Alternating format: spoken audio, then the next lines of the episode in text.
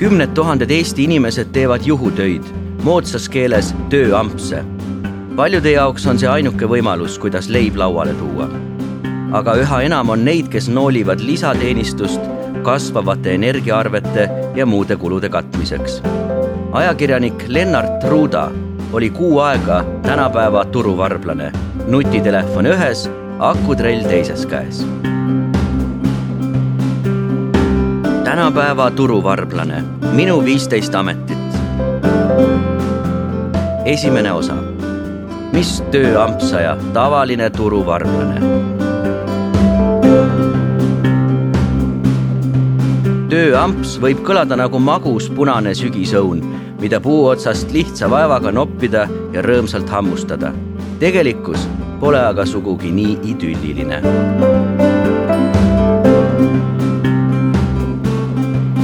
olen juba ligi üheksa tundi nõusid pesnud.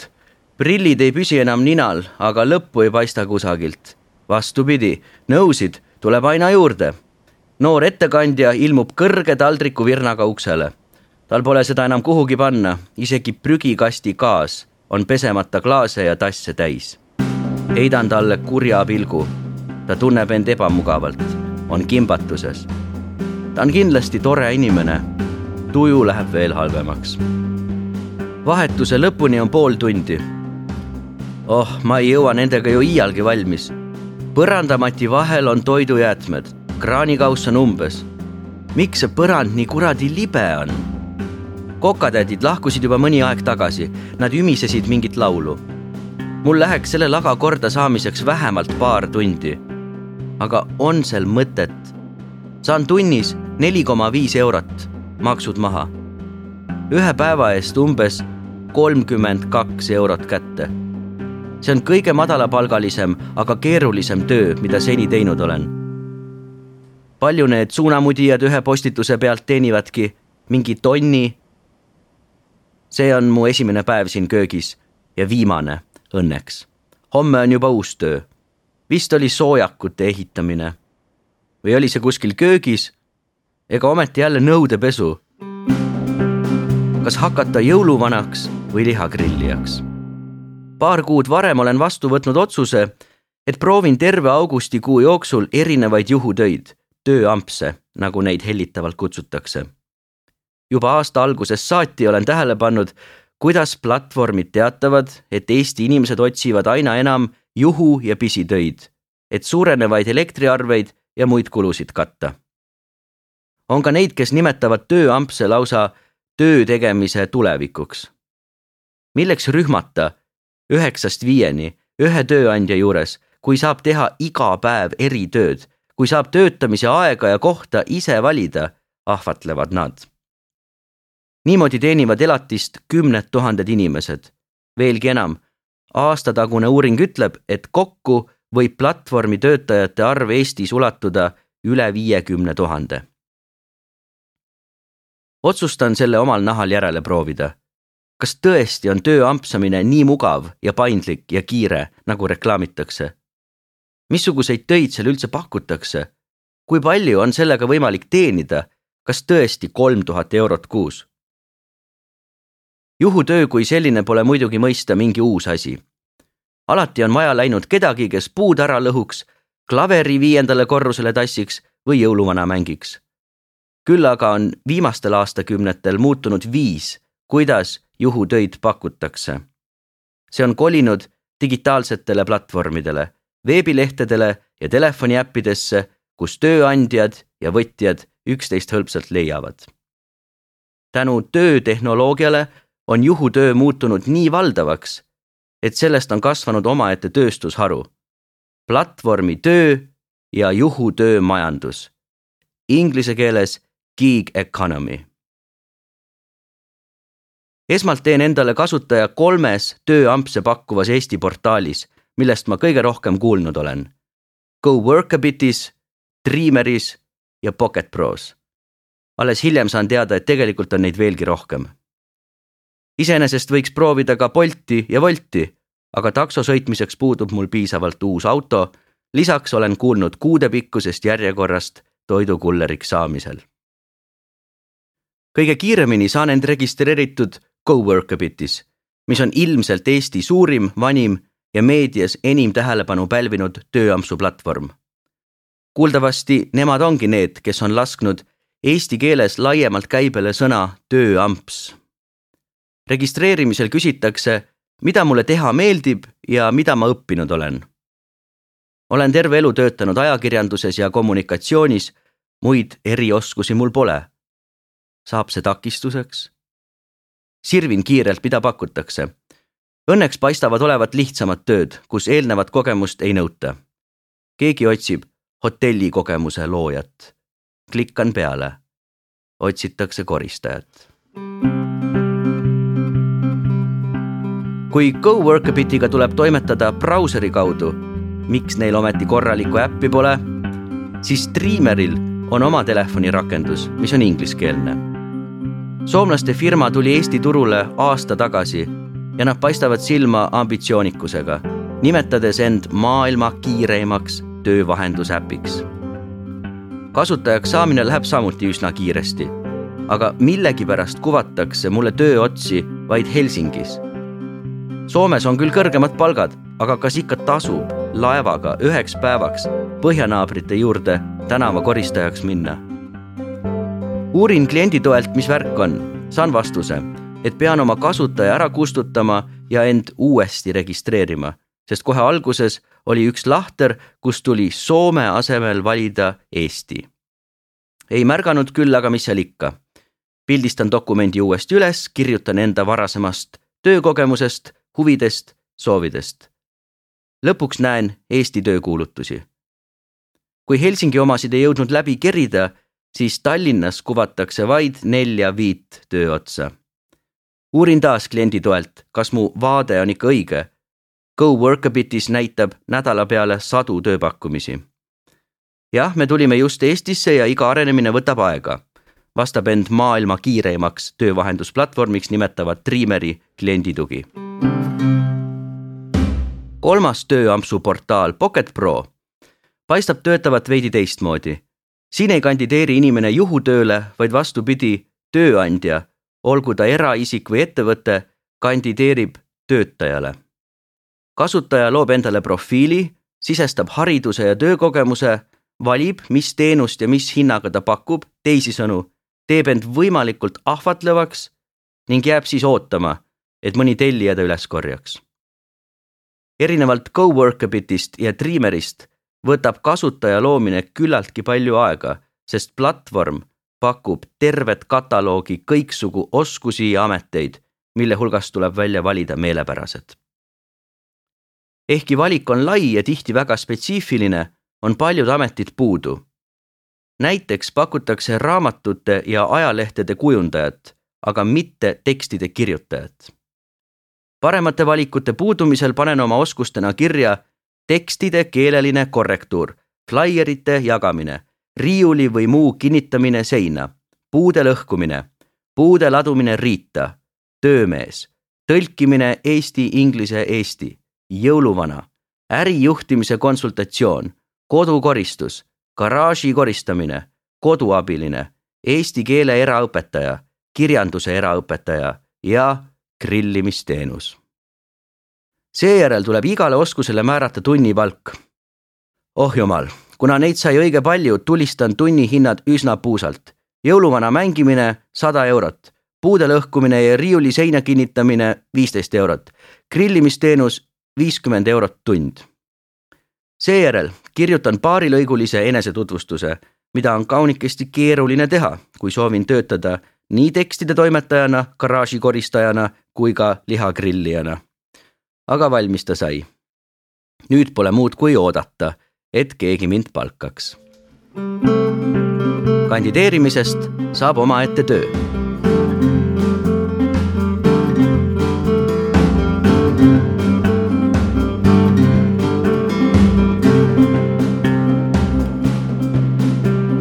kõige vilkam elu paistab käivat GoWorkabitis, mistõttu proovin esimese tööotsa leida sealt võtan reede õhtul paar õlut kõrvale ja hakkan kandideerima, lootuses leida esmaspäevaks töö. saadaval on ligi kümme erinevat otsa. esimesena kandideerin merekonteinerite tühjendajaks. kaubaks on kiirnuudlid, suhkur, erinevad kastmed ja palju muud. kastide raskused viis kuni kakskümmend kilogrammi. kasuks tuleb eelnev laotöö kogemus, seisab töökirjelduses. Ühe konteineri tühjendamise eest lubatakse viiskümmend eurot ja see võtab aega umbes viis tundi. kirjutan motivatsioonikirjas, et see oleks minu esimene tööamps aga olen indu täis. minu tugevusteks on kõva pealehakkamine, kohusetundlikkus ja soov tühjendada nii palju konteinereid kui võimalik. järgmisena tahan saada alkoholi maksumärgistajaks ning komplektide ja kohvrite pakendajaks. Kuna komplekteerimistöö kogemus mul puudub, rõhun jälle pealehakkamisele. proovin ka puukooli. selleks ajaks olen ära joonud paar õlut. kirjutan muigelsui tere, kolmas kord kandideerin, äkki seekord õnnestub. ütlen ausalt, et ega mul puukoolidega kogemust ei ole. küll aga on minust ärganud huvi looduse ja taimede vastu. Olen uudishimulik, töökas ja kohusetundlik. kui ma midagi tegema hakkan, tahan seda hästi teha. mulle meeldib viibida värskes õhus ja proovida uusi asju. olen kandideerimisele kulutanud kaks-kolm tundi ja usun, et sellest piisab. küllap kuskilt ikka näkkab järgmisel hommikul satun sirvima Go Workabiti õpetust. kümme nippi, et sind tööampsule valitaks. seal nenditakse, et kes on kunagi järve kaldal õnge leotanud, teab hästi. kui esimene kala näkkab, näkkab ka teine ja kolmas. lihtsalt seda esimest tuleb teinekord tundide kaupa oodata. tööampsudega on sarnane lugu. inimene, kes pole veel meie kaudu tööle pääsenud peab statistiliselt umbes kaheksa kuni kümme korda kandideerima, enne kui esimene tööamps näkkab. Nii asun õhtul jälle töökuulutusi sirvima ja motivatsioonikirju treima. kandideerin spordipoe kauba väljapanijaks, konteineri laadijaks, laotöötajaks, komplekteerijaks, hotellitubade koristajaks, sorteerijaks, abitööliseks ehitusel ja jumal teab veel kelleks. Proovin tööandjatele muljet avaldada nii aususega, ütlen kohe ära, et ega ma ei tea sellest tööst midagi, enesekindlusega, olen teile väga hea töömees, kohtume õige pea, kui ka pugejalikkusega. väga tore kuulutus teil, tahaksin teie üllale missioonile omalt poolt kaasa aidata. jälle paar tundi laupäeva õhtust läinud. taban end mõttelt, et ilmselt pole mu elus ühegi teise töökoha peale kandideerimine nii palju aega ja energiat võtnud. alati on kuidagi lihtsamalt läbi saanud. loen kokku, et olen töösoovi saatnud kaheteistkümnele tööandjale. hingan kergemalt, küllap keegi mind ikka märkab. pühapäeval hakkavad mu postkasti tilkuma kirjad, et ma ei osutunud valituks üksteise järel kukuvad ära laomees, komplekteerija, abitööline, saaliteenindaja, puukoolitöötaja, kiired käed kuhugi, kuhugi ja nii edasi. äkki on veel võimalus koristajaks? ei, ka sealt tuleb eitav vastus. õhtuks ongi selgus majas, esmaspäevaks mulle tööd pole. no kurat, vaikselt hakkab minust tekkima trots olen peaaegu terve tööpäeva kulutanud töö otsimise, kandideerimise ja imalate motivatsioonikirjade kirjutamise peale ning tulemus on null. mida ma valesti teen? või hakkab tõesti kätte jõudma see aeg, kus töökäte puudus asendub tööpuudusega? esmaspäeval ärkan vara ja asun taas kandideerima. Igaks juhuks vaatan üle oma profiili. kas pilt on ikka normaalne? võib-olla on asi selles, et olen oma varasemaks töökogemuseks märkinud ajakirjanduse. äkki tööandjad pelgavad, et kui võtavad tööle ajakirjaniku, satuvad kohe lehte. igatahes, kui mind täna ka tööle ei võeta, helistan kliendi toele, küsin nõu. kirjutan parasjagu umbes neljandat motivatsioonikirja, kui telefoni saabub sõnum, et mind on homseks tööle valitud Jüri Konsumisse tubliks kassiiriks kella üheksast hommikul kella kahekümne kaheni õhtul. ehkki mul pole täpset aimu, mida töö endast kujutab, valdab mind suur rõõm. minu esimene tööamps. sellest hoolimata jätkan kandideerimist, sest vajan tööd ka kolmapäevaks. Kuna kassapidaja töö kestab kolmteist tundi, siis vaevalt on mul homme mahti kuhugi kandideerida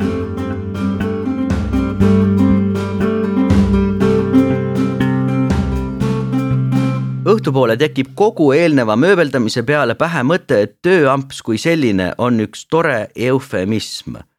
kui mõelda sõnale tööamps, tulevad esimese asjana silme ette mõnusad ja mugavad paaritunnised otsad, mida pärast päevatööd või nädalavahetusel teha. haara neist lihtsalt kinni ja võta vastu helde tasu. see, mis mulle vastu vaatab, on sootuks midagi muud. tööpäevad on reeglina pikad minimaalselt kaheksa tundi, aga pigem kümme või kaksteist tundi.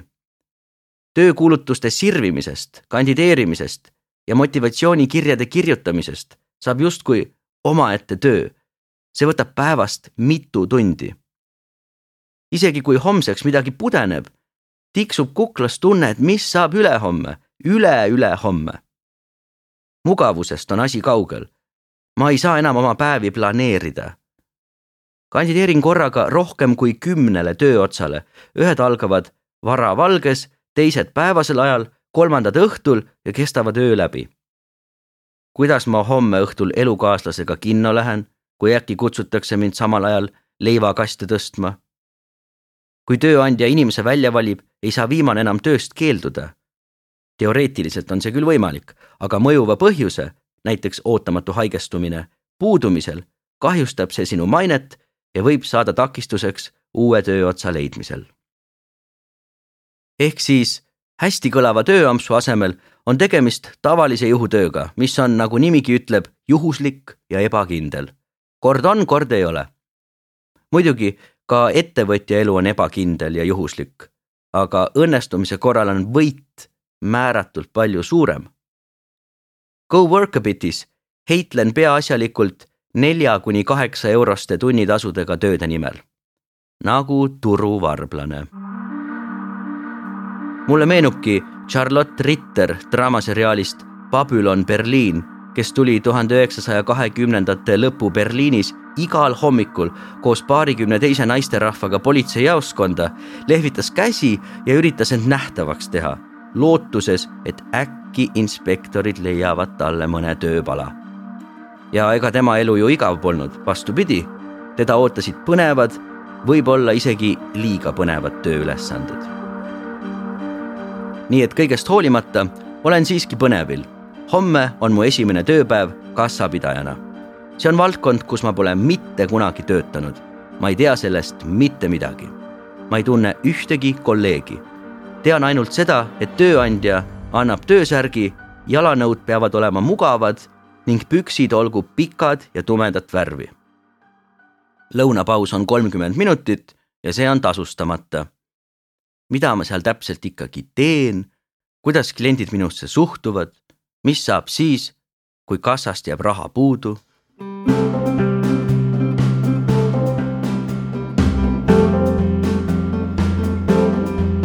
autor Lennart Ruuda, audiolugu luges Christopher Rajaveer salvestus, helikujundus ja originaalmuusika Janek Murd.